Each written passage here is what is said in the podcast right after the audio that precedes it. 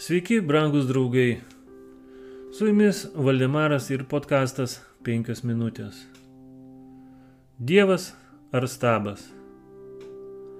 Dėl Adomo nuodėmės ir kaino žmogžudystės nuojaus dienomis dvigubas prakeikimas slėgė žemę. Tačiau tai labai žymiai nepakeitė gamtos veido.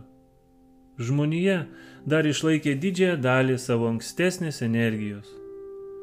Praėjo kelios kartos po to, kai Adomui buvo uždrausta valgyti nuo gyvybės medžio. Tačiau žmogaus amžius vis dar buvo matuojamas šimtmečiais. Jei šie ilgamžiai žmonės, turintys neįlinius sugebėjimus planuoti ir įgyvendinti savo planus, būtų pasišventę tarnavimui Dievui, tai jų kurėjo vardas būtų šlovinamas visoje žemėje. Bet jie to nesugebėjo padaryti. Netrauždami išlaikyti Dievo pažinimą, greitai jie pradėjo neikti jo egzistavimą. Jie garbino gamtą vietoje Dievo, erdvės giraitės, kurios savo lapyje išlaikydavo ištisus metus, buvo pašvestos stabų garbinimui žmonės išstūmė Dievą iš savo pažinimo ir garbino savo pačių išgalvotas būtybės.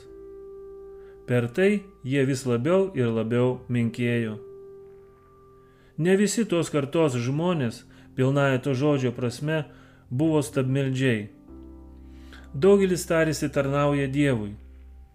Jie tvirtino, kad jų stabai yra dievystės pavyzdžiai ir kad per juos žmonės gali gauti aiškesnį dieviškos būtybės supratimą.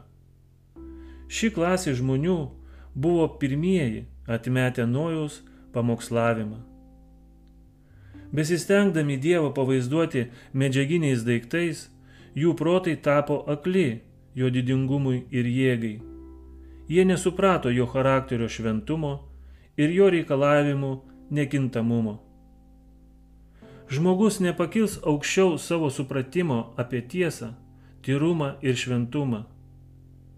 Žmogus grims vis giliau ir giliau, jei jo protas niekada nepakils aukščiau žmogiškumo lygio, jei jis tikėjimu nebus pakeltas apmastyti dieviškos išminties ir meilės. Stabų garbintojai suteikė savo dievybės žmogiškas savybės ir aistras Taip jų charakterio standartas nusileido iki nuodėmingos žmonijos lygio. Su jumis buvo Valdemaras ir podkastas 5 minutės.